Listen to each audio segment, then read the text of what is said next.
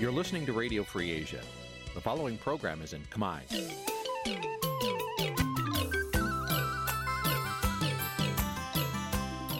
Nǐ ជាកម្មវិធីផ្សាយ Vuthu Azizi Serai នេះជាកម្មវិធីផ្សាយរបស់ Vuthu Azizi Serai ជាភាសាខ្មែរ Vuthu Azizi Serai សូមស្វាគមន៍លោកអ្នកនាងទាំងអស់ពីរដ្ឋធានី Washington នៃសហរដ្ឋអាមេរិកពីរដ្ឋធានី Washington នាងខ្ញុំសុកជីវីសូមជម្រាបសួរ លោកអ្នកនាងអ្នកស្ដាប់ Vuthu Azizi Serai ទាំងអស់ជាទីមេត្រីយើខ្ញុំសូមជូនកម្មវិធីផ្សាយសម្រាប់ព្រឹកថ្ងៃច័ន្ទ12រោចខែមិគសេឆ្នាំថោះបัญចស័កពុរសករាជ2567ចាដែលត្រូវនឹងថ្ងៃទី8ខែមករាគ្រិស្តសករាជ2024ជាដំបូងនេះសូមអញ្ជើញលោកអ្នកនាងស្ដាប់ព័ត៌មានប្រចាំថ្ងៃដែលមានមេតិការដូចតទៅ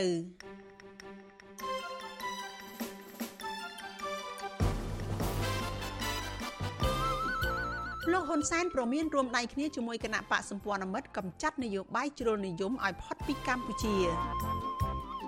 អ្វីទៅជាបំណងដើមរបស់កងទ័ពវៀតណាមឈ្លានពានកម្ពុជាកាលពី45ឆ្នាំមុនក្នុងឆ្នាំ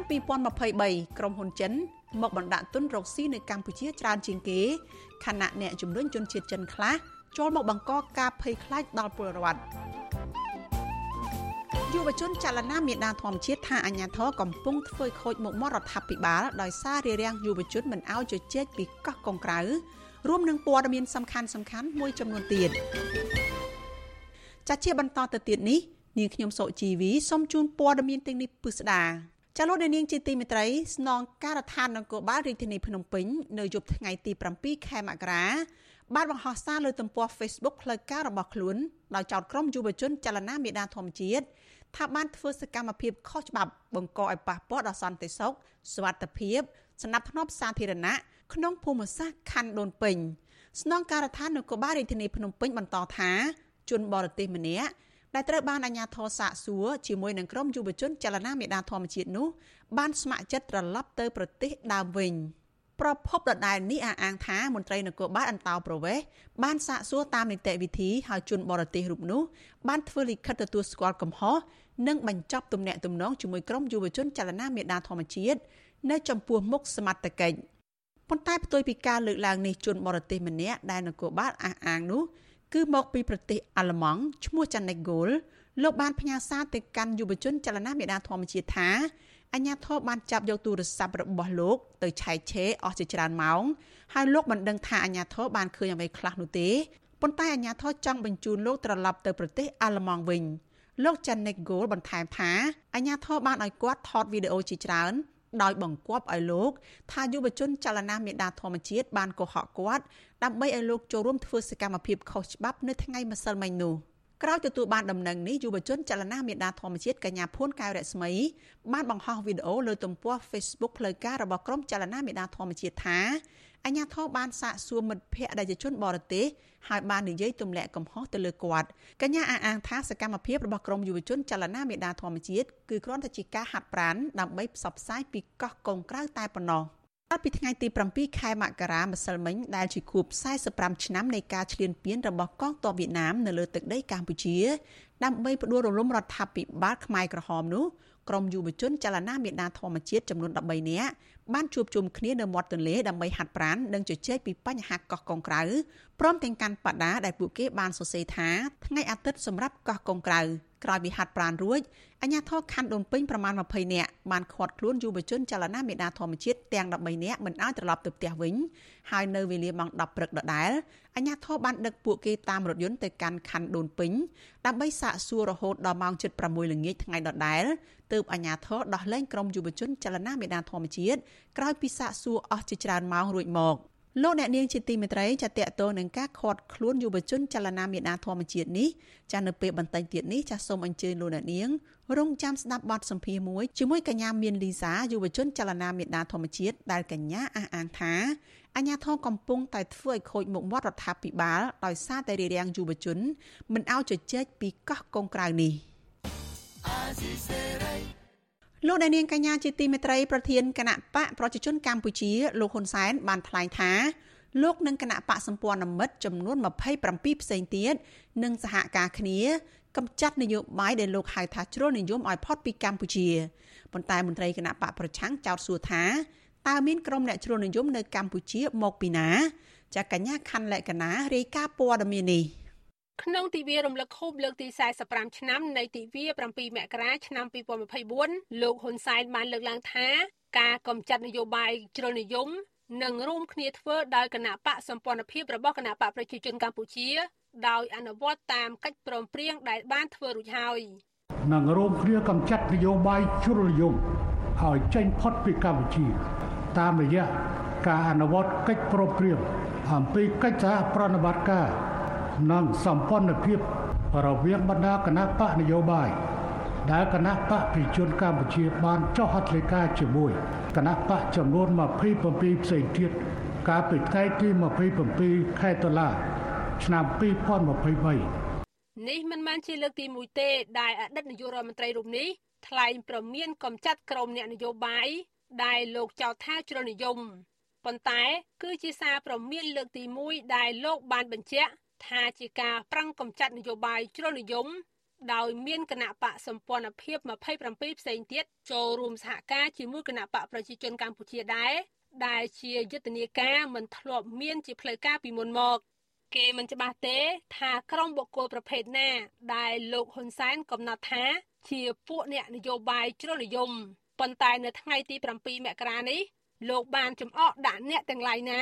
ដែលប្រឆាំងថ្ងៃ7មករានិងទិវាសន្តិភាព29ធ្នូរបស់រដ្ឋាភិបាលគណៈបកប្រជាជនកម្ពុជានៃកូនប្រុសរបស់លោកសូមឲ្យអ្នកទាំងនោះទៅប្រថុយនឹងគ្រោះថ្នាក់នៅចំការមីនដែលនៅសេសសល់អនុប្រធានគណៈបកភ្លើងទៀនលោកសុនឆៃប្រាប់វិសុអេស៊ីស្រីនៅថ្ងៃទី7មករាដោយលើកចម្ងល់ថានៅកម្ពុជាមិនដឹងមានក្រុមជ្រុលនិយមនៅឯណាទេ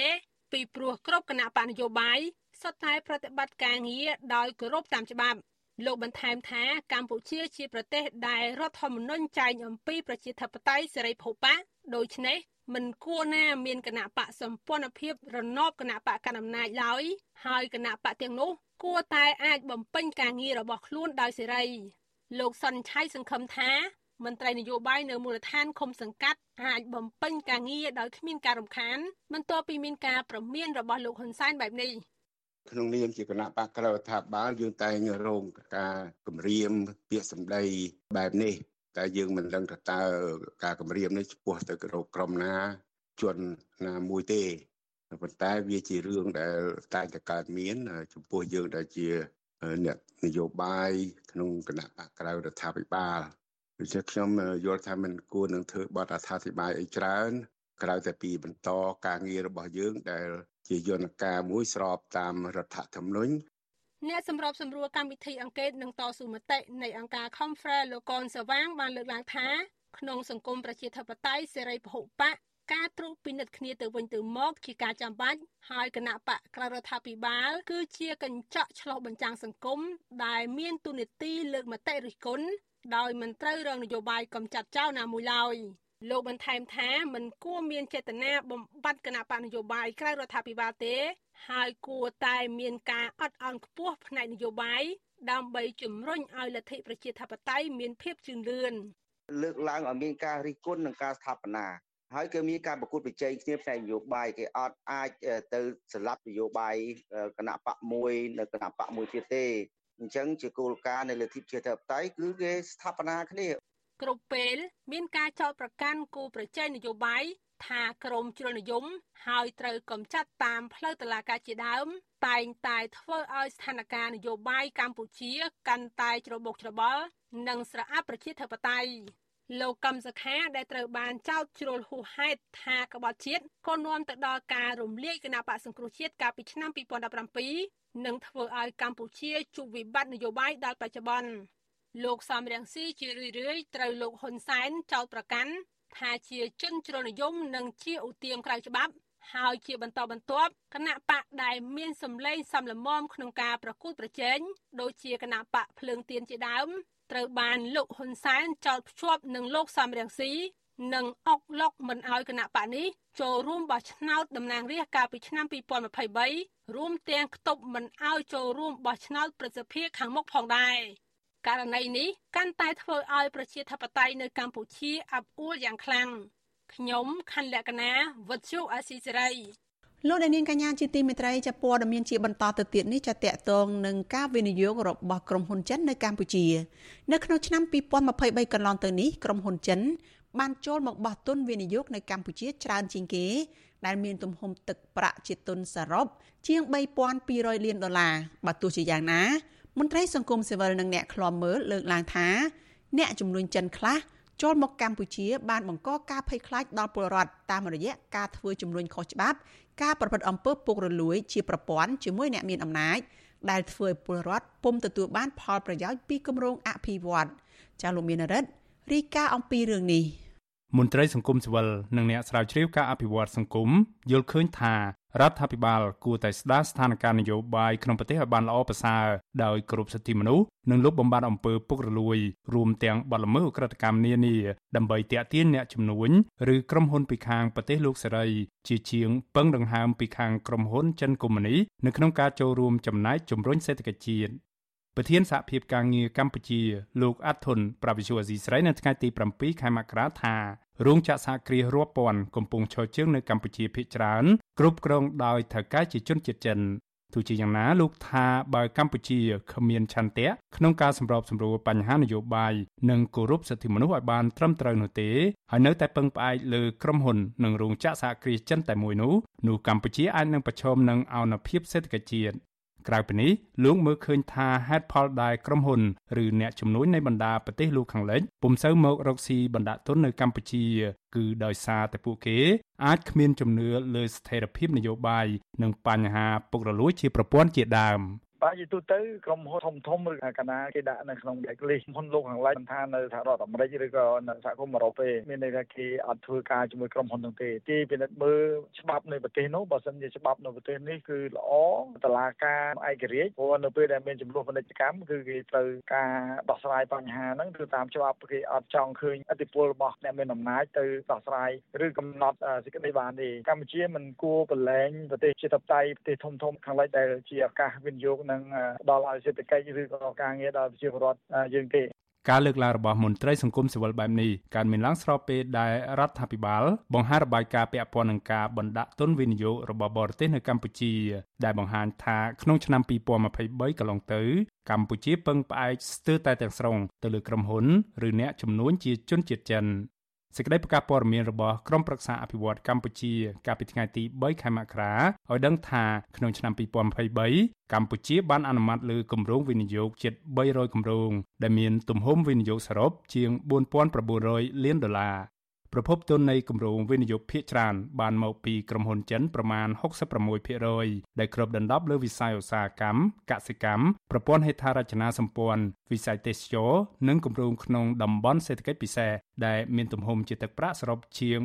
3200លានដុល្លារ បើទោះបីជាយ៉ាងណាក្រុមហ៊ុនឬអ្នកជំនួញចិនដែលកំពុងបោះទុនវិនិយោគនៅកម្ពុជាទាំងនោះពួកគេមួយចំនួនប្រើប្រាស់ទីតាំងកម្ពុជាធ្វើជាជំនួញខុសច្បាប់ស្ថិតក្រោមរូបភាពនៃការអភិវឌ្ឍជាក់ស្ដែងថ្មីថ្មីនេះចក្រភពអង់គ្លេសបានដាក់ទណ្ឌកម្មអ្នកចំនួនចិនដែលមានសញ្ជាតិខ្មែរ2នាក់ដោយបង្កកទ្រព្យសម្បត្តិនិងរដ្ឋបិទទឹកធការដោយសារតែពួកគេជាប់ពាក់ព័ន្ធនឹងបញ្ហាជួញដូរមនុស្សនិងអាជីវកម្មឆបោកតាមអនឡាញនៅកម្ពុជា លើពីនេះទៀតកន្លងទៅអាជ្ញាធរក៏បានបង្ក្រាបអ្នកចំនួនចិនជាហូរហែដោយសារតែពួកគេមួយចំនួនបានបើករោងចក្រនិងបាននាំចូលយកសារធាតុគីមីផ្សំរាប់រយតោនចូលកម្ពុជាដើម្បីផលិតគ្រឿងញៀនវិសុវស៊ីស្រីមិនអាចតាក់ទងអនុប្រធានក្រុមប្រឹក្សាអភិវឌ្ឍកម្ពុជាលោកសុនចន្ទថុលដើម្បីសាកសួរបន្ថែមជុំវិញរឿងនេះបាននៅឡើយទេនៅថ្ងៃទី7ខែមករា ជុំវិញរឿងនេះអ្នកសិក្សាស្រាវជ្រាវការអភិវឌ្ឍសង្គមនិងជាអ្នកវិភាគនយោបាយលោកសេងសេរី មានប្រសាសន៍ថាការគៀងគរអ្នកជំនួញបរទេសឲ្យមកបណ្ដាក់ទុននៅកម្ពុជា គឺជាកាតព្វកិច្ចរបស់រដ្ឋាភិបាលក៏ប៉ុន្តែលោកថាកម្ពុជាផ្ដោតតែអ្នកចំនួនចិនខ្លាំងដោយក្រុមហ៊ុនចិនមួយចំនួន បានបង្កក្តីព្រួយបារម្ភដល់ពលរដ្ឋខ្មែរតាមរយៈមុខចំនួនបែបឧក្រិដ្ឋរបស់ពួកគេលើពីនេះទៀតលោកសង្កត់ធ្ងន់ថាក្រុមហ៊ុនឬអ្នកចំនួនចិនខ្លះ មានអធិបុលប្រកាន់បកពួកនិយម និងប្រព្រឹត្តអំពើពុករលួយជាប្រព័ន្ធជាមួយអ្នកមានអំណាចដែលសង្គមកម្ពុជានិងពលរដ្ឋទូទៅពុំទទួលបានការអភិវឌ្ឍប្រកបដោយតម្លាភាពនិងអភិបាលកិច្ចល្អនោះទេ ក៏ប៉ុន្តែបច្ចុប្បន្ននេះវិនិយោគកិនចិនធ្វើឲ្យពលរដ្ឋមានការខ្លាចរអាដោយសារតែតែងតែមកជាមួយនឹងការវិនិយោគដែលមិនស្របច្បាប់បង្កើតខ្សែស្រឡាយបាក់ពួរហើយអ្នកដែលកំពុងតែទទួលផលអំពីការវិនិយោគរបស់អ្នកវិនិយោគកិនចិនហ្នឹងមានតែមនុស្សមួយក្រុមតូចដែលមានភាពស្និទ្ធស្នាលជាមួយនឹងរដ្ឋាភិបាលតែប៉ុណ្ណោះដូច្នេះហើយបញ្ហារបស់វិនិយោគកិនចិននៅកម្ពុជាហ្នឹងបញ្ហាតម្លាភាពហើយនិងវិសមភាពដែលកើតឡើងនៅក្នុងការវិនិយោគនេះកំពុងតែមានការរីករាលដាលយ៉ាងធំហើយដែលធ្វើឲ្យពលរដ្ឋមួយចំនួនធំនឹងមិនទទួលបានផលរយៈពេល5ឆ្នាំចុងក្រោយនេះប្រទេសចិនឈានមុខគេក្នុងការបញ្ជូនអ្នកជំនួញនិងក្រុមហ៊ុនដែលមួយភាគពាក់ព័ន្ធនឹងរដ្ឋអំណាចចិនមកវិនិយោគនៅកម្ពុជា ក្នុងទំហំទឹកប្រាក់រាប់ពាន់លានដុល្លារចំណែកឯក្រុមហ៊ុនឯកជនធំធំពីប្រទេសលោកស្រីវិញ គេពុំសូវឃើញមានការបោះទុនវិនិយោគនៅលើគម្រោងនានានៅកម្ពុជានោះទេ កាលពីចុងឆ្នាំ2021សហរដ្ឋអាមេរិកបានទូន្មានដល់ក្រុមហ៊ុននិងជនជាតិអាមេរិកកាំងឲ្យប្រុងប្រយ័ត្នក្នុងទំនាក់ទំនងប្រតិបត្តិការឬពិចារណាប្រតិបត្តិការអាជីវកម្មនៅកម្ពុជាជាមួយក្រុមហ៊ុន ដែលពាក់ព័ន្ធនឹងការរកស៊ីបែបពុករលួយ សកម្មភាពឧក្រិដ្ឋនិងអំពើរំលោភសិទ្ធិមនុស្សជាដើមខ្ញុំបានមេរិត Visual Asia ស្រី ពីរដ្ឋធានី Washington លោកអ្នកនាងកញ្ញាជាទីមេត្រីលោកអ្នកកំពុងស្ដាប់វិទ្យុអាស៊ីសេរីផ្សាយចេញពីរដ្ឋធានី Washington សហរដ្ឋអាមេរិកអតីតនាយករដ្ឋមន្ត្រីលោកហ៊ុនសែនថ្លែងនៅក្នុងទិវារំលឹកខួបលើកទី45នៃទិវា7មករាចាកាលពីថ្ងៃទី7ខែមករាម្សិលមិញនៅរាជធានីភ្នំពេញថា45ឆ្នាំក្រោយ7មករា1979កម្ពុជាក្លាយទៅជាទឹកដីស្រស់បំព្រងហើយប្រជាពលរដ្ឋរស់នៅយ៉ាងសុខសាន្ត ប៉ុន្តែមន្ត្រីអង្គការសង្គមស៊ីវិលនិងមន្ត្រីបកប្រឆាំងចាត់ទុកការថ្លែងរបស់លោកហ៊ុនសែននេះថាខ្វះសច្ចភាពចាកញ្ញាខណ្ឌលក្ខណាមានសេចក្តីរាយការណ៍មួយទៀតអំពីរឿងនេះជូនលោកអ្នកនាងដូចតទៅប្រធានគណៈបកប្រជាជនកម្ពុជាលោកហ៊ុនសែនអះអាងថា45ឆ្នាំក្រោយថ្ងៃ7មករាឆ្នាំ1979កម្ពុជាមានការផ្លាស់ប្ដូរយ៉ាងជ្រាលជ្រៅមិននឹកស្មានដល់ ក្នុងទិវា7មករានៅចំពោះវត្តមានថ្នាក់ដឹកនាំនិងសមាជិកគណៈបកប្រជាជនកម្ពុជាជាង20000នាក់លោកហ៊ុនសែនថ្លែងថាសេដ្ឋកិច្ចកម្ពុជាបានងើបឡើងវិញយ៉ាងរហ័សនិងកំពុងឈានទៅរកស្ថានភាពកំណើនដូចមុនគ្រាមានវិបត្តិ COVID-19 វិញរីឯលទ្ធិប្រជាធិបតេយ្យសេរីពហុបកសិទ្ធិមនុស្សនិងនីតិរដ្ឋកាន់តែបានពង្រឹងនិងលើកកម្ពស់អធិបតេយ្យលោកលើកឡើងថា ការបោះឆ្នោតជ្រើសតាំងតំណាងរាស្ត្រនីតិកាលទី7ប្រព្រឹត្តទៅដោយជោគជ័យនិងឆ្លុះបញ្ចាំងពីភាពចាស់ទុំខាងប្រជាធិបតេយ្យរបស់កម្ពុជា តាមរយៈការចូលរួមដ៏ច្រើនលើសលប់របស់ប្រជាពលរដ្ឋនិងភាពត្រឹមត្រូវតាមច្បាប់នៃការបោះឆ្នោតលោកហ៊ុនសែនអះអាងថា តាមរយៈបណ្ដាសមិទ្ធផលដែលសម្រេចបានទាំងនេះកម្ពុជាកំពុងឈានទៅមុខតាមមាគ៌ាមួយដ៏ត្រឹមត្រូវដែលឆ្លើយតបទៅនឹងបំណងប្រាថ្នារបស់ប្រជាជន និងស្របតាមសភាពការទាំងក្នុងប្រទេសនិងក្រៅប្រទេសកម្ពុជាដែលពីមុនកើតសង្គ្រាមមិនចេះចប់និងជាទឹកដីនៃវាលពិឃាតដ៏យកគ្រោះបំផុត បានប្រែក្លាយជាទឹកដីដ៏ស្រស់បំព្រងប្រកបដោយសន្តិភាពសេរីភាពប្រជាធិបតេយ្យនិងនីតិរដ្ឋប្រជាជន បានធ្វើម្ចាស់លើជោគវាសនារបស់ខ្លួនហើយក៏ពងរស់នៅយ៉ាងសុខសាន្តសុខដុមរមនា ទាំងក្រុមគ្រួសារក្នុងសហគមន៍និងសង្គមជាតិទាំងមូលទោះជាយ៉ាងណាមន្ត្រីអង្គការសង្គមស៊ីវិលនិងមន្ត្រីគណៈបកក្រៅរដ្ឋាភិបាលចាត់ទុកការលើកឡើងរបស់អតីតកម្មាភិបាលខ្មែរក្រហមរូបនេះថាជាការមិនឆ្លុះបញ្ចាំងពីការពិតនៅកម្ពុជាប្រធានសមាគមប្រជាធិបតេយ្យឯករាជ្យនៃសេដ្ឋកិច្ចក្រៅប្រព័ន្ធលោកវ៉ាន់ពៅប្រាប់វិសុអាស៊ីសេរីដោយទទួលស្គាល់ថា បច្ចុប្បន្នពិតជាល្អជាងកាលពីឆ្នាំ1979មែនលើវិស័យហេដ្ឋារចនាសម្ព័ន្ធគមនាគមន៍ប៉ុន្តែលោកថាពលរដ្ឋខ្មែរទូទៅរស់នៅដោយជីវភាពដណ្ដើមហើយឃើញប្រសើរតែមនុស្សមួយក្រុមតូចដែលជាមន្ត្រីអង្គញាអ្នករាជការដែលមានបពពួកខ្នងបង្អែកប៉ុណ្ណោះទាំងអស់គ្នានឹងវាពិបាកមែនតែនគួបផ្សំនឹងជំពាក់បំណុលធនាគារវ៉ាន់កកទៀតអានឹងវាកាន់តែធ្ងន់ធ្ងរដែលធ្វើឲ្យ ប្រជាប្រដ្ឋខ្មែររស់នៅញោមញីជាមួយបំណុលធនាគាររស់នៅញោមញីជាមួយការធ្លាក់ប្រាក់ចំណូលរស់នៅញោមញីជាមួយនឹងរឿងរ៉ាវអយុត្តិធម៌ជាច្រើនទៀតសម្រាប់អ្នកប្រកបមុខរបរសេដ្ឋកិច្ចក្រៅប្រព័ន្ធក៏ដូចជាបងប្អូនសហគមន៍ដីធ្លីក៏ដូចជាយុត្តិធម៌សម្រាប់កម្មករយុត្តិធម៌សម្រាប់សហជីព របាយការណ៍ប្រចាំឆ្នាំនៃបញ្ជីសុភមង្គលពិភពលោកបង្ហាញថាឆ្នាំ2023ប្រទេសកម្ពុជាមានសុភមង្គលប្រហាក់ប្រហែលនឹងប្រទេសភូមាឬមីយ៉ាន់ម៉ាដែលកំពុងមានសង្គ្រាមបង្ហូរឈាមសម្រាប់ប្រជាពលរដ្ឋស្លូតត្រង់យ៉ាងរង្គាលរបាយការណ៍នេះឲ្យដឹងថាក្នុងចំណោម137ប្រទេស កម្ពុជាស្ថិតនៅលេខរៀងទី115គៀកគ្នានឹងប្រទេសភូមានៅលេខរៀងទី117ដែលប្រទេសទាំងពីរនេះស្ថិតនៅលំដាប់ក្រោមគេទាំងអស់ក្នុងតំបន់អាស៊ានទីប្រឹក្សាគណៈបកកម្លាំងជាតិលោករងឈុនមានប្រសាសន៍ថាការថ្លែងរបស់លោកហ៊ុនសែនមិនបានឆ្លោះបញ្ចាំងពីការពិតនៅកម្ពុជាទេលោកក៏សម្គាល់ថា45ឆ្នាំមកនេះកម្ពុជាហិនហោចទ្រព្យសម្បត្តិធម្មជាតិព្រៃឈើរ៉ែស្ទើរគ្មានសល់ ហើយប្រជាពលរដ្ឋរស់នៅក្នុងស្ថានភាពភ័យខ្លាចមិនហ៊ាននិយាយស្ដីស្របពេលដែលប្រព័ន្ធសារព័ត៌មានឯករាជ្យនៅកម្ពុជាត្រូវបានបិទស្ទើរតែជិតស្លុងឆ្លុះបញ្ចាំងអំពីសេរីភាពការគោរពសិទ្ធិមនុស្សនិងលទ្ធិប្រជាធិបតេយ្យបន្ទាប់ពីមានការរំលាយគណៈបកសង្គ្រោះជាតិ2017ឃើញថាសេរីភាពទាំងការគោរពសិទ្ធិមនុស្សប្រជាធិបតេយ្យស្ទើរស្មើសូន្យ របាយការណ៍អង្គការអាត់ហុកចេញផ្សាយកាលពីថ្ងៃទី17ខែឧសភាឆ្នាំ2023បង្ហាញថាការរំលោភសិទ្ធិមនុស្សនៅឆ្នាំ2022រួមមានការគំរាមកំហែងសេរីភាពនយោបាយការរំលោភសិទ្ធិដីធ្លី និងការបំពានលើសិទ្ធិស្ត្រីនិងកុមារជាដើម មានការកើនឡើងបាធិបនឹងឆ្នាំ2021ថ្មីថ្មីនេះមានអង្គការអន្តរជាតិចំនួន6រួមមានអង្គការសិទ្ធិមនុស្សអន្តរជាតិ Human Rights Watch និងបណ្ដាញប្រជាធិបតេយ្យអាស៊ីជាដើមអះអាងថា កម្ពុជាបានធ្លាក់ទៅក្នុងរបបផ្ដាច់ការរាប់ចាប់តាំងពីការដឹកនាំរបស់អតីតនាយករដ្ឋមន្ត្រីលហ៊ុនសែនបានប្រើប្រាស់ប្រព័ន្ធតុលាការដើម្បីរំលាយគណៈបកសង្គ្រោះជាតិដែលជាគណៈបកប្រឆាំងដែលមានពលរដ្ឋគ្រប់គ្រងប្រដំប្រសងនឹងគណៈបកកណ្ដាលអំណាចកាលពីឆ្នាំ2017ហើយពេលលោកនាយករដ្ឋមន្ត្រីហ៊ុនម៉ាណែតឡើងកាន់តំណែងបន្តក៏គ្មានផ្លាស់ប្ដូររបៀបនៃការដឹកនាំឡើយខ្ញុំខណ្ឌលក្ខណាវុទ្ធុអាស៊ីសេរី លោកអ្នកនាងកញ្ញាជាទីមេត្រីសេចក្តីរាយការណ៍ពីប្រទេសជប៉ុនឯណោះឲ្យដឹងថាពលរដ្ឋខ្មែរមួយចំនួនរស់នៅក្នុងប្រទេសជប៉ុនប្រកាសមិនទទួលស្គាល់ថ្ងៃ7ខែមករាថាជាថ្ងៃជ័យជំនះពួកគាត់អះអាងថាថ្ងៃ7ខែមករាឆ្នាំ1979ជាថ្ងៃដែលវៀតណាមចូលឈ្លានពានទឹកដីកម្ពុជានិងបានសម្លាប់ពលរដ្ឋខ្មែររាប់ម៉ឺននាក់ក្រោមលេសជួយរំដោះពលរដ្ឋខ្មែរចេញពីរបបអាវខ្មៅលោកមានរិទ្ធមានសេចក្តីរាយការណ៍មួយទៀតអំពីរឿងនេះ ប្រជាពលរដ្ឋខ្មែររស់នៅនិងធ្វើការនៅប្រទេសជប៉ុនប្រមាណជិត100នាក់ជួបជុំគ្នានៅខេត្ត Chiba ដើម្បីសម្ដែងមតិរបស់ពួកគេនៅថ្ងៃទី7ខែមករា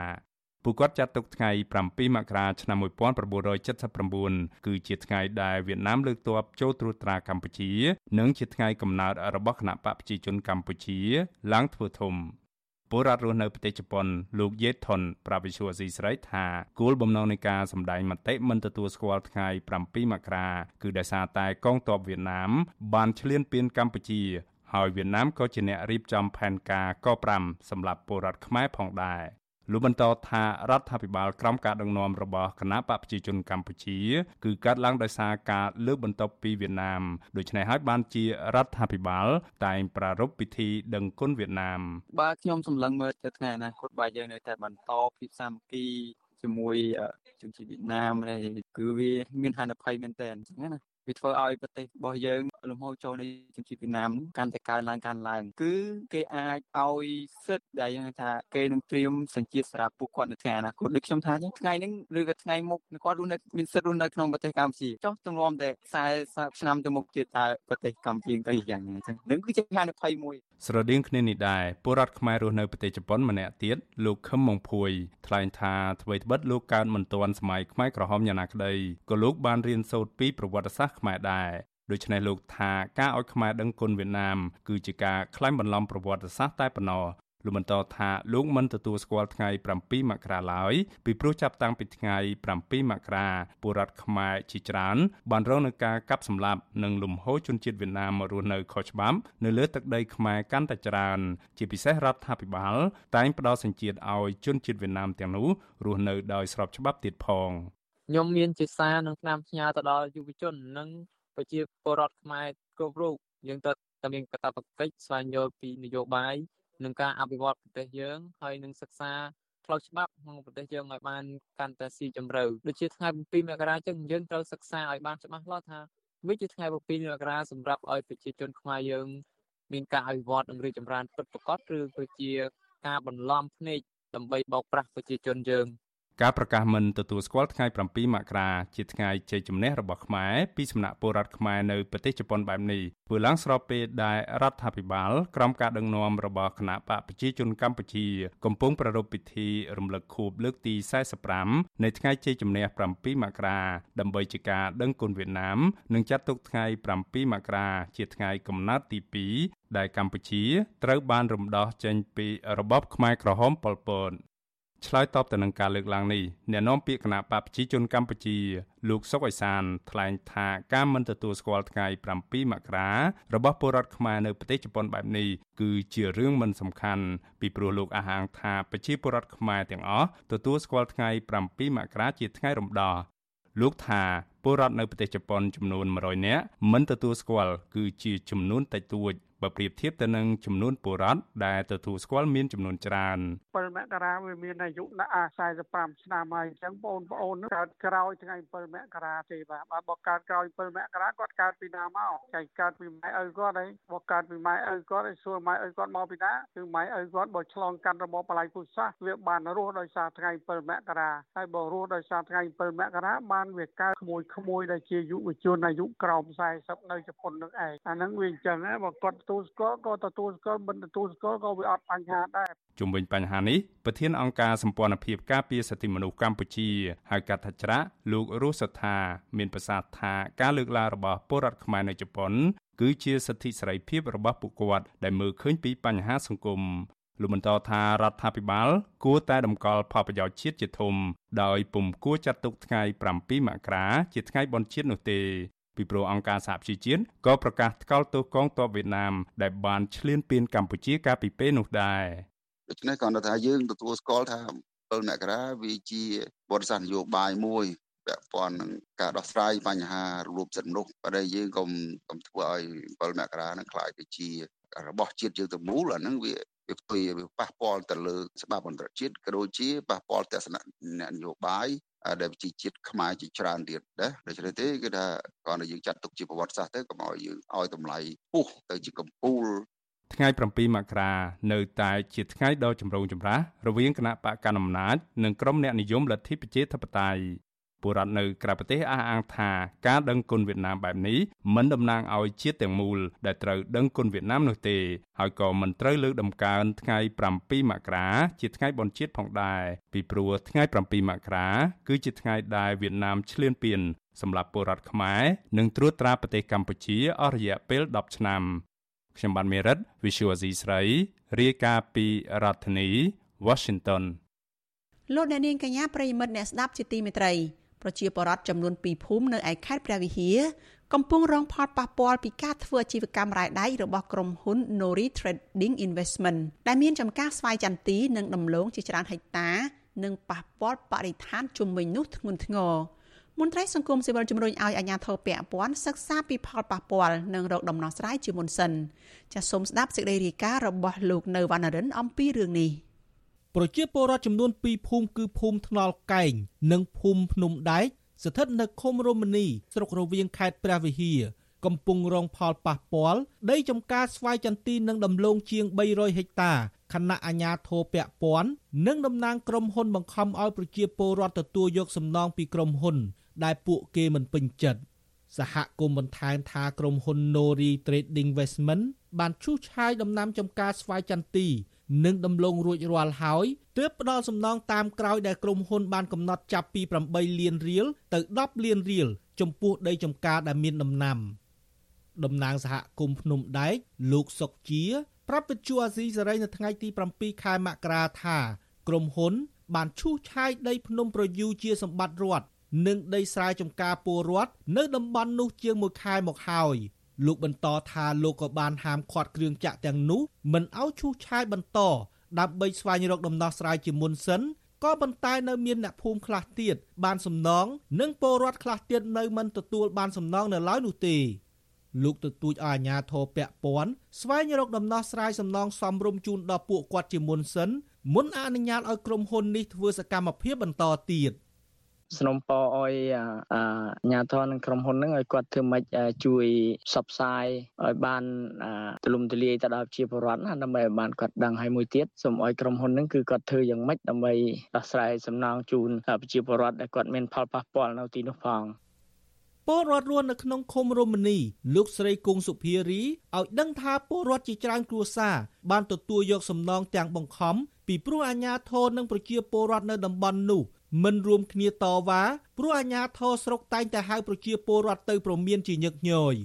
លោកស្រីបន្តថាប្រសិនបើជំរើសមានប្រជាពលរដ្ឋនឹងមិនចាក់ចេញ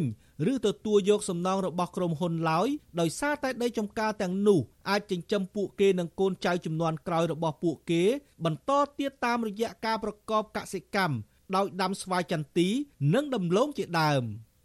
ប៉ះពាល់ដល់ភូមិឃុំខ្ញុំភូមិដែលខ្ញុំរស់នៅនេះក៏សូមឲ្យថ្នាក់ឬជួយសម្រួលឲ្យពួកខ្ញុំបានរស់នៅផងយ៉ាងណាចាអត់ចង់ថាបែកចេញពីកន្លែងនេះទេព្រោះអីខ្ញុំទៅបែករបរមកថ្មីដែលធ្វើផ្ទះថ្មីអីថ្មីមិនចង់ថាចាក់ចេញទៅឆ្ងាយរាល់ពីកន្លែងផ្សេងទៀតទេសូមឲ្យជួយសម្រួលដល់ពួកនាងខ្ញុំទាំងអស់គ្នាផងពលរដ្ឋរស់នៅតាមដងផ្លូវជាតិលេខ213 និងផ្លូវជាតិលេខ62ដែលមិនហ៊ានចេញមុខរិះគន់ព្រួយបារម្ភពីសវត្ថិភាព បានរអ៊ូរទាំពីផលវិបាកនៅក្នុងការរស់នៅ ដោយមានរថយន្តធំធំ បើកបរលឿនបង្កឲ្យមានគ្រោះថ្នាក់និងដីហុយធ្វើឲ្យប៉ះពាល់សុខភាពរបស់ប្រជាពលរដ្ឋបញ្ហាទាំងនេះអាជ្ញាធរពាក់ព័ន្ធមិនបានដោះស្រាយជូនពួកគាត់នៅឡើយនោះទេជុំវិញរឿងនេះ វិទ្យុអាស៊ីសេរីក៏មិនទាន់អាចតាក់ទងអភិបាលខេត្តព្រះវិហារលោកកឹមរិទ្ធី និងអភិបាលស្រុករវៀងលោកហៅប៊ុនហួរដើម្បីសុំការឆ្លើយតបរឿងនេះបាននៅឡើយនោះទេ នៅថ្ងៃទី7ខែមករាដោយទូរស័ព្ទចូលជាច្រើនដង តែគ្មានអ្នកទទួល ចំណែកមេឃុំរមនីលោកខុតរីសុំមិនធ្វើការអធិប្បាយនោះទេ រីឯក្រុមហ៊ុន Nori Trading Investment ក៏វិទ្យុអាស៊ីសេរីមិនអាចតាក់ទងបានដែរនៅថ្ងៃដដែលនេះមន្ត្រីសម្របសម្រួលគម្រោងនៃសមាគមបណ្ដាញយុវជនកម្ពុជាហៅកាត់ថា CYN លោកអូតឡាទីន សង្កេតឃើញថារាល់ការធ្វើអាជីវកម្មរ៉ែកន្លងទៅ តែងតែមានផលប៉ះពាល់បរិស្ថាន និងការរំលោភសិទ្ធិមនុស្សដល់ពលរដ្ឋយ៉ាងធ្ងន់ធ្ងរដោយសារអាជ្ញាធរពាក់ព័ន្ធ នៅតំបន់នោះនិងក្រុមហ៊ុនមិនបានសិក្សាពីផលប៉ះពាល់ពីគ្រោះយោបល់ជាមួយប្រជាពលរដ្ឋនិងការប៉ះពាល់បរិស្ថានជុំវិញតំបន់នោះឲ្យបានត្រឹមត្រូវនោះទេរ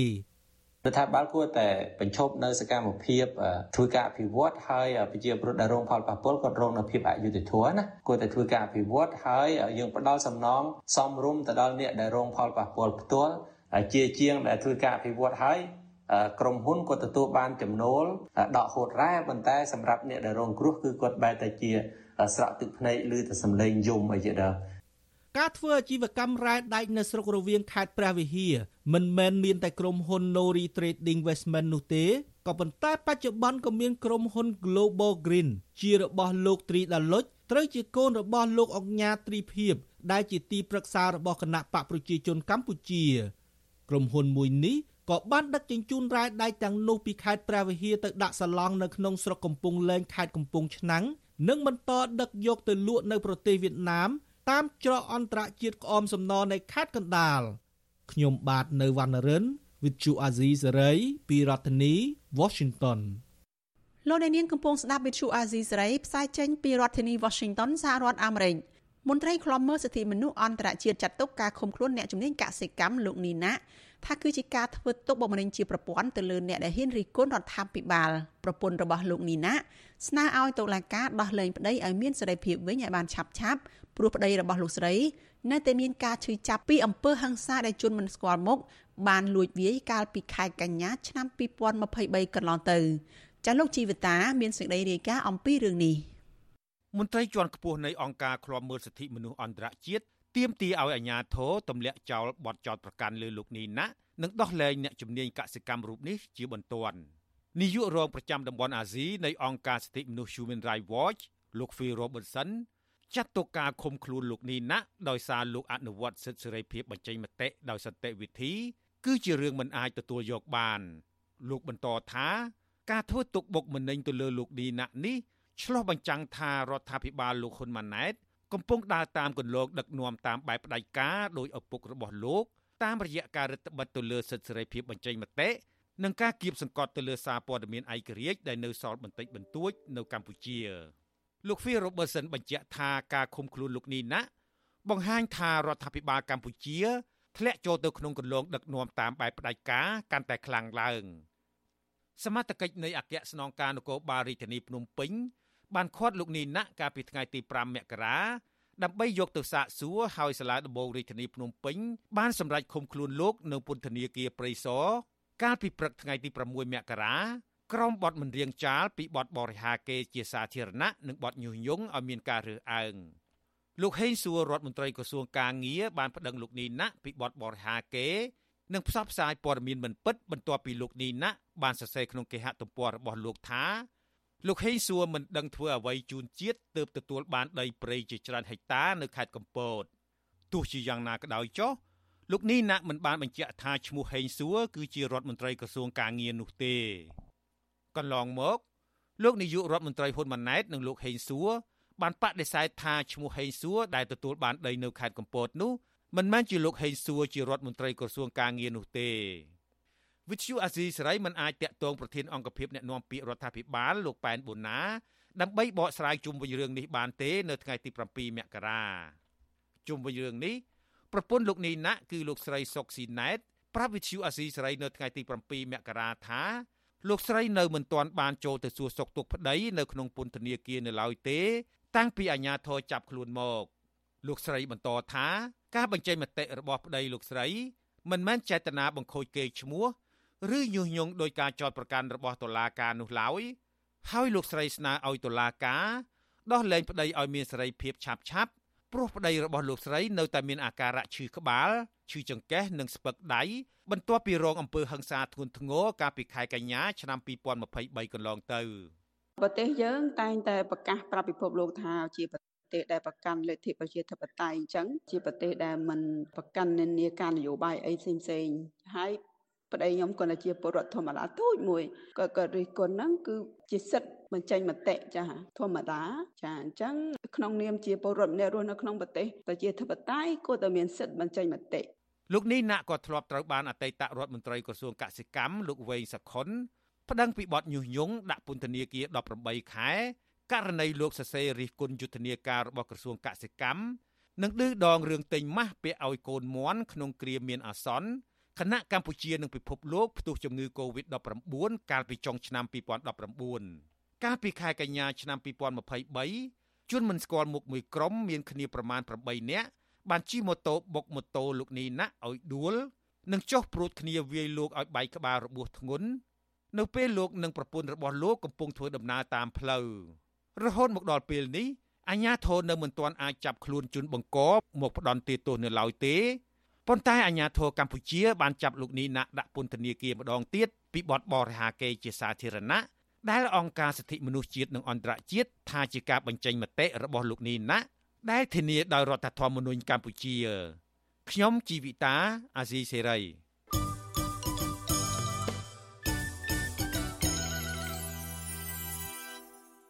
លោកអ្នកនាងកញ្ញាជាទីមេត្រីលោកអ្នកកំពុងស្ដាប់វិទ្យុអាស៊ីសេរីផ្សាយចេញពីរដ្ឋធានី Washington សហរដ្ឋអាមេរិកពលរដ្ឋនិងអ្នកនយោបាយខ្មែរនៅតែខ្វែងយោបល់គ្នាអំពីការលុកលុយចូលកម្ពុជា ពីសំណាក់កងទ័ពវៀតណាមកាលពី45ឆ្នាំមុនប្រព័ន្ធឃោសនារបស់រដ្ឋាភិបាលវៀតណាមនិងរដ្ឋាភិបាលកម្ពុជា តែងផ្សព្វផ្សាយថា វត្តមានរបស់កងទ័ពវៀតណាមជាង100000នាក់នៅកម្ពុជា កាលពីថ្ងៃទី7ខែមករា1979គឺដើម្បីសង្គ្រោះប្រជាជនកម្ពុជាពីរបបប្រល័យពូជសាសន៍ខ្មែរក្រហមកងទ័ពវៀតណាមបានត្រួតត្រាកម្ពុជារយៈពេល10ឆ្នាំគឺពីឆ្នាំ1979ដល់ឆ្នាំ1989ទើបដកចេញទៅវិញនៅពេលសហភាពសូវៀតដួលរលំ និងក្រោយពីមានសម្ពាធការទូតជាបន្តបន្ទាប់ពីសហគមន៍អន្តរជាតិ ព្រមទាំងសម្ពាធយោធាពីប្រទេសចិន និងអ្នកតស៊ូខ្មែរនៅតាមព្រំដែនខ្មែរថៃតើគោលបំណងដើមរបស់កងទ័ពវៀតណាមចូលមកកម្ពុជា កាលពី45ឆ្នាំនោះជាអ្វីតើអ្នកនយោបាយខ្មែរគ្រប់និន្នាការគួររៀនសូត្រអ្វីខ្លះពីប្រវត្តិសាស្ត្រមួយនេះចាសសូមស្ដាប់សេចក្តីរាយការណ៍ពុស្ដាអំពីរឿងនេះរបស់លោកជីវិតាដូចតទៅ គោលបំណងចម្បងនៃការផ្ដួលរំលំរបបខ្មែរក្រហមនៅដើមឆ្នាំ1979ដោយកងទ័ពវៀតណាមមិនមែនដើម្បីសង្គ្រោះប្រជាជនកម្ពុជាឲ្យរួចផុតពីការកាប់សម្លាប់របស់ខ្មែរក្រហមនោះទេនេះបើតាមការរកឃើញរបស់បណ្ដាអ្នកស្រាវជ្រាវចាប់តាំងពីដើមឆ្នាំ1978មកវៀតណាមបានគិតគូររកវិធីផ្លាស់ប្តូរប៉ុលពតចេញពីមេដឹកនាំកម្ពុជាប្រជាធិបតេយ្យហើយដាក់ជំនួសមកវិញនៅមនុស្សណាដែលមានសមានចិត្តចំពោះវៀតណាម អ្នកសិក្សាស្រាវជ្រាវប្រវត្តិសាស្ត្រខ្មែរក្រហមបណ្ឌិត Craig Acheson អះអាងប្រាប់អាស៊ីសេរីថាលោកពុំដែលឃើញមានឯកសារណាមួយបង្ហាញថាកងទ័ពវៀតណាមចូលមកកម្ពុជា ដើម្បីសង្គ្រោះជីវិតពលរដ្ឋកម្ពុជាឬពលរដ្ឋវៀតណាមដែលខ្មែរក្រហមកំពុងកាប់សម្លាប់នោះទេ No I don't think so although អត់ទេខ្ញុំមិនគិតថាកងទ័ពវៀតណាមចូលកម្ពុជាក្នុងគោលបំណងមនុស្សធម៌ទេ បើទោះជាពេលនោះប្រកាសណាស់ថាប្រជាជនវៀតណាមក្នុងប្រទេសកម្ពុជាកំពុងរងការធ្វើបាបពីខ្មែរក្រហមក៏ដោយចុះពីព្រោះក្នុងគ្រានោះប្រទេសវៀតណាមក៏កំពុងមានបញ្ហាជាច្រើនរបស់ខ្លួនដែលត្រូវដោះស្រាយចំពោះមុខដែរនោះគឺការខិតខំច្បាច់បញ្ចូលគ្នារវាងវៀតណាមខាងជើង និងវៀតណាមខាងត្បូងហើយដូច្នេះវៀតណាមមិនចង់ធ្វើសង្គ្រាមដែលមិនចាំបាច់ទេ ការលើកឡើងនេះស៊ីសង្វាក់គ្នានឹងការបញ្ជាក់របស់អតីតអ្នកកាសែតជាន់ខ្ពស់នៃកងទ័ពប្រជាជនវៀតណាមគឺលោកប៊ុយទីនលោកប៊ុយទីនដែលអមដំណើរកងទ័ពវៀតណាមចូលទីក្រុងភ្នំពេញនៅថ្ងៃទី7មករាឆ្នាំ1979នោះនិយាយថាកងទ័ពវៀតណាមឈ្លានពានកម្ពុជាគឺដោយសារតែកងទ័ពខ្មែរក្រហមវាយប្រហារទៅលើប្រទេសវៀតណាម The Vietnam leader communist leader have no objective at all to invade the Cameroon ខ្ញុំច្បាស់ណាស់ថាមេដឹកនាំកុម្មុយនីសវៀតណាមមិនមានគោលបំណងឈ្លានពានប្រទេសកម្ពុជានោះទេពីព្រោះក្រោយពេលសង្គ្រាមហើយប្រទេសវៀតណាមទាំងពីរបានបង្រួបបង្រួមគ្នាជាប្រជាជាតិតែមួយហើយនោះប្រទេសយើងបានជួបប្រទះនៅបញ្ហាធំធំជាច្រើនហេតុដូច្នេះមេដឹកនាំកុម្មុយនីសនិងប្រជាជនវៀតណាមគឺចង់បានតែសន្តិភាពតែប៉ុណ្ណោះពីព្រោះបន្ទាប់ពីសង្គ្រាមអស់រយៈពេល30ឆ្នាំមក ប្រទេសវៀតណាមបានបន្សល់ទុកនៅការខូចខាតខ្ទេចខ្ទាំយ៉ាងធ្ងន់ធ្ងរហើយមនុស្សស្លាប់និងរងរបួសក៏ច្រើនសន្ធឹកសន្ធាប់នោះដែរ Many people were killed and wounded លោកប៊ុយទីនដែលមានឋានៈជាវរៈស្នេហ៍ឯកនៃកងទ័ពប្រជាជនវៀតណាមផងនោះឆ្នាំ1990បានភៀសខ្លួនចេញពីប្រទេសវៀតណាមទៅសុំសិទ្ធិជ្រកកោននយោបាយនៅប្រទេសបារាំង បន្ទាប់ពីលោកបានរិះគន់គោលនយោបាយដឹកនាំនិងអំពើពុករលួយរបស់មេដឹកនាំបកកុម្មុយនីសវៀតណាមលោកទទួលមរណភាពនៅខែសីហាឆ្នាំ2018ក្នុងវ័យ90ឆ្នាំទោះជាយ៉ាងណាលោកប៊ុយទីនអះអាងថាចិនជាអ្នកញុះញង់ឲ្យខ្មែរក្រហមវាយប្រហារវៀតណាមព្រោះចិនមិនចង់ឃើញវៀតណាមខាងជើងនិងវៀតណាមខាងត្បូងក្លាយជាប្រទេសធំមួយនោះទេ in their calculation the chinese want to weaken vietnam បាទជាយុទ្ធសាស្ត្រនោះគឺចិនចង់ឲ្យវៀតណាមចុះខ្សោយគឺចិនមិនចង់ឃើញវៀតណាមខាងត្បូងនិងខាងជើងរួបរวมគ្នាคล้ายជាប្រទេសធំមួយនោះទេដូច្នេះហើយទើបបានជាចិននឹងញុះញង់ឲ្យខ្មែរក្រហមនឹងវាយប្រហារទៅលើប្រទេសវៀតណាមហើយនេះក៏ជាការយល់ឃើញរបស់លោកហ៊ុនសែននិងលោកហេងសំរិននោះដែរ ពួកគាត់ដែលខ្ញុំបានជួបជាញឹកញាប់នោះប្រាប់ខ្ញុំថាចិនបានប្រើប្រាស់ខ្មែរក្រហមជាឧបករណ៍ដើម្បីបញ្ឆេះសង្គ្រាមជាមួយវៀតណាមដើម្បីធ្វើឲ្យវៀតណាមនឹងចុះទុនខ្សោយពេលនោះចិនដឹងថាវៀតណាមខាងត្បូងនោះដែលទើបត្រូវបានរំដោះហើយនោះមានបញ្ហាជាមួយនឹងវៀតណាមខាងជើងដូច្នេះហើយទើបបានជាចិនឆក់យកឱកាសនោះពន្យុះឲ្យវៀតណាមខាងត្បូង ងើបបះបោប្រឆាំងនឹងរដ្ឋាភិបាលវៀតណាមថ្មីពីព្រោះចិនដឹងថាវៀតណាមខាងត្បូងនឹងស្អប់វៀតណាមកុម្មុយនីស against the north against the communism ទោះជាយ៉ាងណាលោក Steve Header អ្នកជំនាញរឿងរ៉ាវខ្មែរក្រហមប្រាប់អាស៊ីសេរីតាមសារអ៊ីមែលថាគ្មានភស្តុតាងណាមួយបញ្ជាក់ថាចិនជាអ្នកជំរុញឲ្យខ្មែរក្រហមវាយប្រហារទៅលើវៀតណាមនោះទេសម្រាប់នាយកផ្នែកភាសាចិននៃអង្គការសិទ្ធិមនុស្ស Human Rights Watch អ្នកស្រី Sophie Richardson វិញបើទោះជាគ្មានភស្តុតាងជាក់លាក់បញ្ជាក់ថាចិនបានជំរុញឲ្យខ្មែរក្រហមវាយប្រហារវៀតណាមក៏ដោយក៏នៅអំឡុងពេលនោះចិនបានផ្ដល់ជំនួយជាអាវុធយុទ្ធភ័ណ្ឌជាច្រើននិងទីប្រឹក្សាផ្នែកយោធានិងស៊ីវិលជាច្រើនពាន់នាក់ដល់របបខ្មែរក្រហមនៅថ្ងៃទី1ខែឧសភាឆ្នាំ1975ពលគឺពីសប្តាហ៍ក្រោយរំដោះបានទីក្រុងភ្នំពេញកងទ័ពខ្មែរក្រហមបានចាប់ផ្ដើមវាយលុកកោះត្រល់ កោះត្រល់ដែលវៀតណាមហៅថាកោះភូកុកគឺជាអតីតទឹកដីខ្មែរដែលត្រូវបានបារាំងប្រគល់ឲ្យវៀតណាមកាន់កាប់ជាផ្លូវការនៅឆ្នាំ1954ថ្មីត្បិតតែកងទ័ពខ្មែរក្រហមដណ្ដើមបានកាន់កាប់កោះត្រល់បានមួយរយៈពេលខ្លីមែនតែវៀតណាមវាដណ្ដើមយកទៅវិញបានភ្លាមនិងវាយបង្ក្រាបកងទ័ពខ្មែរក្រហមស្លាប់គោជើងគ្នា បន្ទាប់ពីនោះមកសង្គ្រាមរវាងខ្មែរក្រហមនិងវៀតណាមនៅតាមព្រំដែននឹងធ្លាយចូលក្នុងទឹកដីនៃប្រទេសទាំងពីរ ក៏ចេះតែបន្តកើតមានជាហូរហែរហូតដល់មេដឹកនាំវៀតណាមសម្រេចចិត្តផ្ដួលរំលំមេដឹកនាំខ្មែរក្រហមប៉ុលពតពីអំណាចតែក្នុងរយៈពេល13ថ្ងៃប៉ុណ្ណោះកងទ័ពវៀតណាមបានរុលទៅដល់ទីក្រុងភ្នំពេញបើតាមលោកប៊ុយទីនជ័យជំនះរបស់វៀតណាមយ៉ាងឆាប់រហ័សដោយមិនរំពឹងទុកនេះក៏ដោយសារខ្មែរក្រហមបានដកកម្លាំងទ័ពភៀកច្រើនទៅត្រៀមប្រយុទ្ធទប់ទល់ជាមួយវៀតណាមនៅតាមព្រំដែនធ្វើឲ្យចំនួនកងទ័ពនៅសេសសល់តិចតួចនៅខាងផ្ទៃក្នុងប្រទេស ហេតុដូចនេះនៅពេលកងទ័ពវៀតណាមវាយទម្លុះខ្សែត្រៀមព្រំដែនបានហើយធ្វើឲ្យការរុលសម្រុកទៅមុខឆ្ពោះទៅទីក្រុងភ្នំពេញរបស់ពួកគេជួបឧបសគ្គតិចតួចប៉ុណ្ណោះអតីតអ្នកឆ្លើយឆ្លងព័ត៌មានរបស់ទស្សនាវដ្តីសេដ្ឋកិច្ចចុងបូព៌ាលោកណេថេយើដែលជាអ្នកកសែតបរទេសទី2ដែលបានសម្ភាសប៉ុលពតនៅខែតុលាឆ្នាំ1997នៅក្នុងស្រុកអន្លង់វែងនោះបានប្រាប់វិទ្យុអាស៊ីសេរីនៅឆ្នាំ2006ថា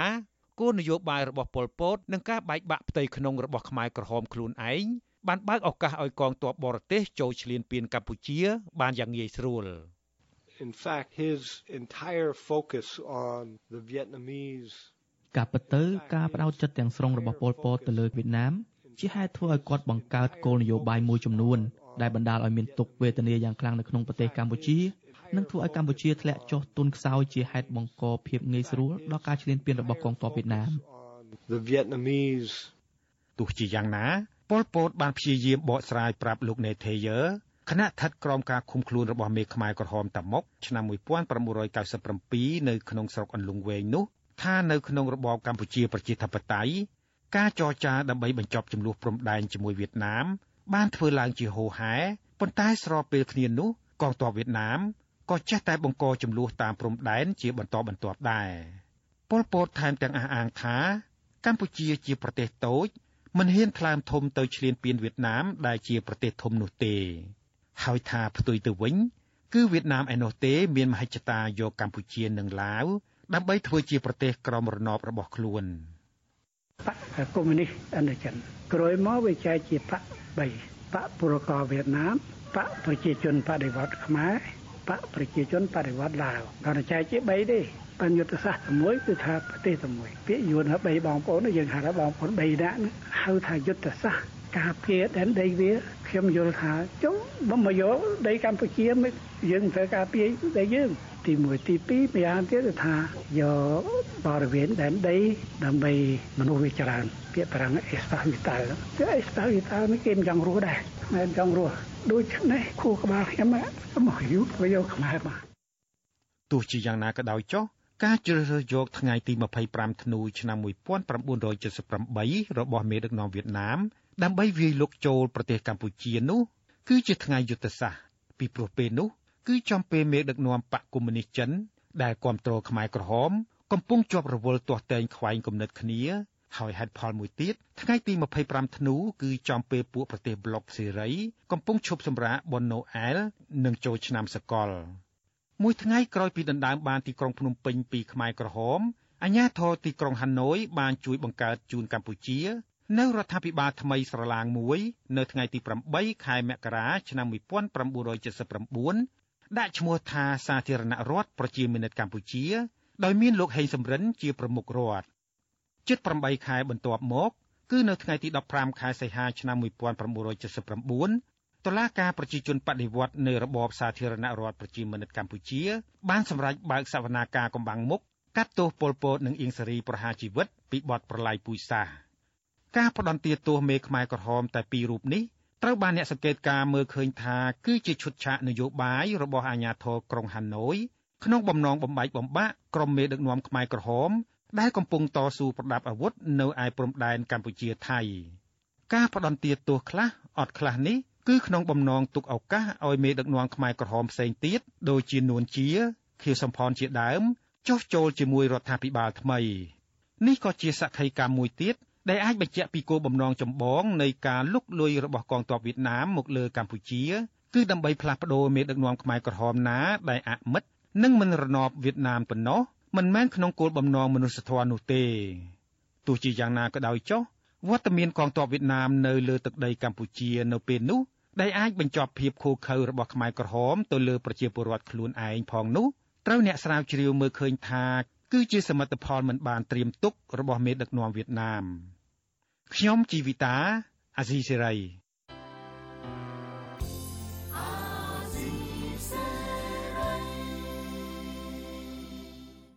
លោកអ្នកនាងកំពុងស្ដាប់វិទ្យុអាស៊ីសេរីទាំងអស់ជាទីមេត្រីយុវជនចលនាមេដាធម្មជាតិចាត់ទុកទង្វើរបស់អាញាធរខណ្ឌដូនពេញដែលខាត់ខ្លួនពួកគេសាកសួរនិងរារាំងមិនឲ្យជជែកពីកោះកុងក្រៅក្នុងពេលពួកគេហាត់ប្រាណនៅតាមមាត់ទន្លេចាក់ទៅមុខ ថាកំពុងធ្វើឲ្យខូចដល់មុខមាត់រដ្ឋាភិបាលលោកហ៊ុនម៉ាណែតពួកគេអះអាងថាក្រមយុវជនមិនបានប្រព្រឹត្តកំហុសអ្វីសោះគឺគ្រាន់តែជួបជុំគ្នាហាត់ប្រាណនិងជជែកជាសាធារណៈពីកោះកុងក្រៅដែលបង្ហាញពីការឈឺឆ្អាលនិងការពារធនធានធម្មជាតិហើយគួរតែបានការយកចិត្តទុកដាក់និងគ្រប់គ្រងពីអាជ្ញាធរចាសសូមអញ្ជើញលោកអ្នកនាងស្ដាប់បទសម្ភាសជាមួយនឹងកញ្ញាមានលីសាអំពីរឿងនេះដូចតទៅ ចំពោះលីសាខ្លួនឯងនឹងយល់ឃើញយ៉ាងម៉េចវិញពេលដែលក្រមយុវជនទៅហាត់ប្រាណសោះទៅជួបជុំគ្នាទៅជែកពីកោះកុងក្រៅដែលជាសារៈប្រយោជន៍ដែលជាផលប្រយោជន៍សម្រាប់ពលរដ្ឋជាត្រូវខាត់ខ្លួនសាកសួរហើយមិនមែនតិចម៉ោងទៀតនឹងចា៎និយាយទៅគឺយើងអត់នឹកស្មានដល់ថានឹងមានរឿងនឹងកើតឡើងទេចាថ្ងៃអាទិត្យសម្រាប់ពួកយើងគឺដូចតាពុកម៉ែបងប្អូនទាំងអស់គ្នាអញ្ចឹងពួកយើងគាត់ថាថ្ងៃអាទិត្យជាថ្ងៃដែលយើងអាចសម្រាកបាន ក៏ប៉ុន្តែយើងគិតថាជាពេលវេលាមួយដែលយុវជនយើងអាចទំនេរពីការសិក្សានិងការងាររបស់ពួកគាត់អាចចូលរួមជាមួយពួកយើងបានអញ្ចឹងយើងក៏ណាត់គ្នាទៅថាអូអូខេពេលព្រឹកយើងអាចទៅហាត់ប្រាណមួយម៉ោងអីជុំគ្នាទៅអញ្ចឹងយើងជុំគ្នាម៉ោង7កន្លះព្រឹកព្រឹកមិញហើយយើងចាប់ផ្ដើមហាត់ប្រាណតែម្ដងគឺនៅម៉ោង8អញ្ចឹងអឺ ម៉ោង9គឺយើងបញ្ឈប់ការហាត់ប្រាណយើងយើងដើរទៅដល់កន្លែងចតម៉ូតូរបស់យើងយើងផ្ញើម៉ូតូរបស់យើងក៏អាជ្ញាធរតាមទៅទៅខាត់ទៅឲ្យហៅពួកយើងទៅខណ្ឌដូនពេញតែម្ដងវាជារឿងដែលមិនដឹកស្មានដល់ពួកយើងគិតថានឹងត្រឡប់ទៅបានត្រឡប់ទៅផ្ទះវិញបន្ទាប់ពីហាត់ប្រាណហើយទៅសម្រាប់តែរឿងដែលនឹកស្មានមកដល់ហ្នឹងគាត់លើកឡើងថា ពួកយើងហាត់ប្រាណអត់ដូចគេទេយើងហាត់ប្រាណខុសពីគេយើងហាត់ប្រាណមានបដាអញ្ចឹងបដារបស់យើងសួរតបដាសរសេរពីអីគឺ Sunday for កោះកុង Island និងថ្ងៃអាទិត្យសម្រាប់កោះកុងក្រៅនឹងបងចា៎តើអាចមកពីរឿងដែលត្រឹមតែរឿងលើកបដានឹងទេឬក៏ដោយសារតែអាជ្ញាធរមិនចង់ឲ្យក្រមយុវជននឹងផ្សព្វផ្សាយពីកោះកុងក្រៅ ឬក៏ដោយសារតែថ្ងៃនេះជាថ្ងៃ7មករាមិនចង់ឲ្យមានរឿងរ៉ាវរំខានទៅដល់កម្មវិធីធំដែលធ្វើនៅកណ្ដាលរាជធានីភ្នំពេញពីការរំលឹកខួប45ឆ្នាំថ្ងៃ7មករានេះឬក៏យ៉ាងម៉េចដែរចាបើតាមលីសាគិតឃើញ ចាតាមសេណារីយ៉ូរបស់អាញាធងតែម្ដង គឺរួមផ្សំគ្នាតែម្ដងបងរឿងទី1ហ្នឹងគឺថ្ងៃនេះគឺប្រពៃពិធី7មករាហើយពួកគាត់បានសួរពួកយើងពេលដែលយើងទៅដល់កន្លែងនាំយើងទៅដល់ក្នុងខណ្ឌដូនពេញហ្នឹងកន្លែងបន្ទប់សាកសួរហ្នឹងក៏សួរពួកយើងថាដឹងថាថ្ងៃនេះថ្ងៃអីអត់ទៅយើងក៏ ប្រាប់ថាថ្ងៃអាទិត្យទៅគាត់ថាមិនបានខ្មែរអត់ដឹងថាថ្ងៃនេះថ្ងៃ7មករាអញ្ចឹងអញ្ចឹងគាត់ទាញយើងឲ្យពាក់ព័ន្ធជាមួយរឿង7មករាទាំងដែលយើងអត់មានផ្ដល់ការចាប់អារម្មណ៍ជាមួយរឿង7មករានឹងទេហើយទី2ដោយដែលបងបានបញ្ជាក់ថារឿងកោះកុងក្រៅនោះវាជាប្រធានបទមួយដែលក្តៅមួយអញ្ចឹងគ្រាន់តែយើងធ្វើក្នុងរូបភាពហាត់ប្រាណសោះតែម្ដងដែលអត់ដឹកស្មានថាមកហាមឃាត់តែបើជាហាមឃាត់អញ្ចឹងបានបញ្ជាក់ថាកោះកុងក្រៅនេះគឺជាប្រធានបទមួយដែលយើងប៉ះអត់បានតែម្ដងយើងគ្រាន់តែគិតថាយើងនឹងទៅលើកបដាពីពីនឹងហើយយើងថតជុំគ្នាដើម្បីបង្កើតជាការសន្ទនាសម្រាប់សង្គមអំពីកោះកុងក្រៅរៀងរាល់ថ្ងៃអាទិត្យតែចុះបញ្ចប់ទៅខាត់យើងរហូតទៅដល់តាំងពីម៉ោង10ព្រឹករហូតដល់ម៉ោង6ល្ងាចឲ្យយើងចេញបងចា៎ហេតុអីបានជាក្រុមយុវជនដូចជាមិនចាប់អារម្មណ៍ថ្ងៃ7មករានឹងចាបងកាប់ទៅរឿងនេះវាពាក់ព័ន្ធជាមួយនឹងប្រវត្តិសាស្ត្រក៏ដូចជារឿងពាក់ព័ន្ធជាមួយរឿងជាច្រើនដែលយើងគិតថាយើងមិនចង់បដោតនិយាយទេ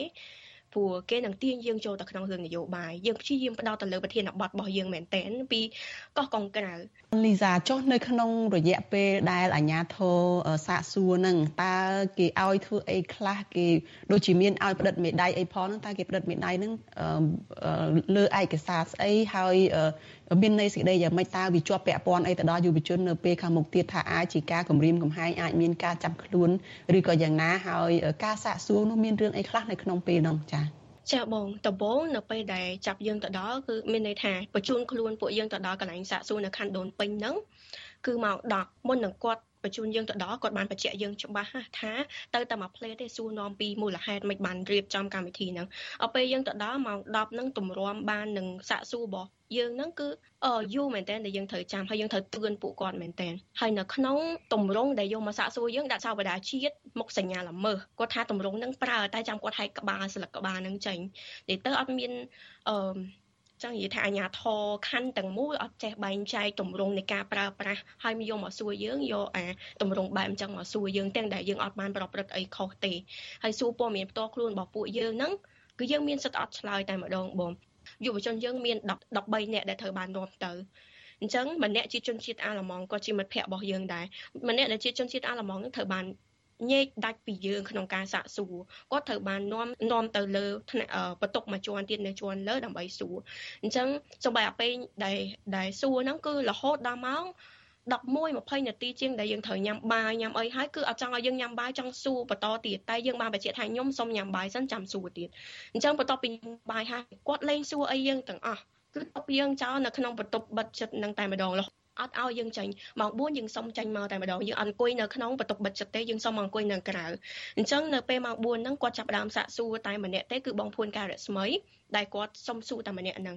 អញ្ចឹងយើងទទួលបានអារម្មណ៍អស់សុវត្ថិភាពមែនតើដែលសួរហើយដល់ពេលដែលយើងសុំចេញគឺសម្លុតគម្រាមកំហែងយើងថាសម្លុតខ្លាំងមែនតើពេលហ្នឹងឲ្យយើងចូលទៅក្នុងបន្ទប់វិញ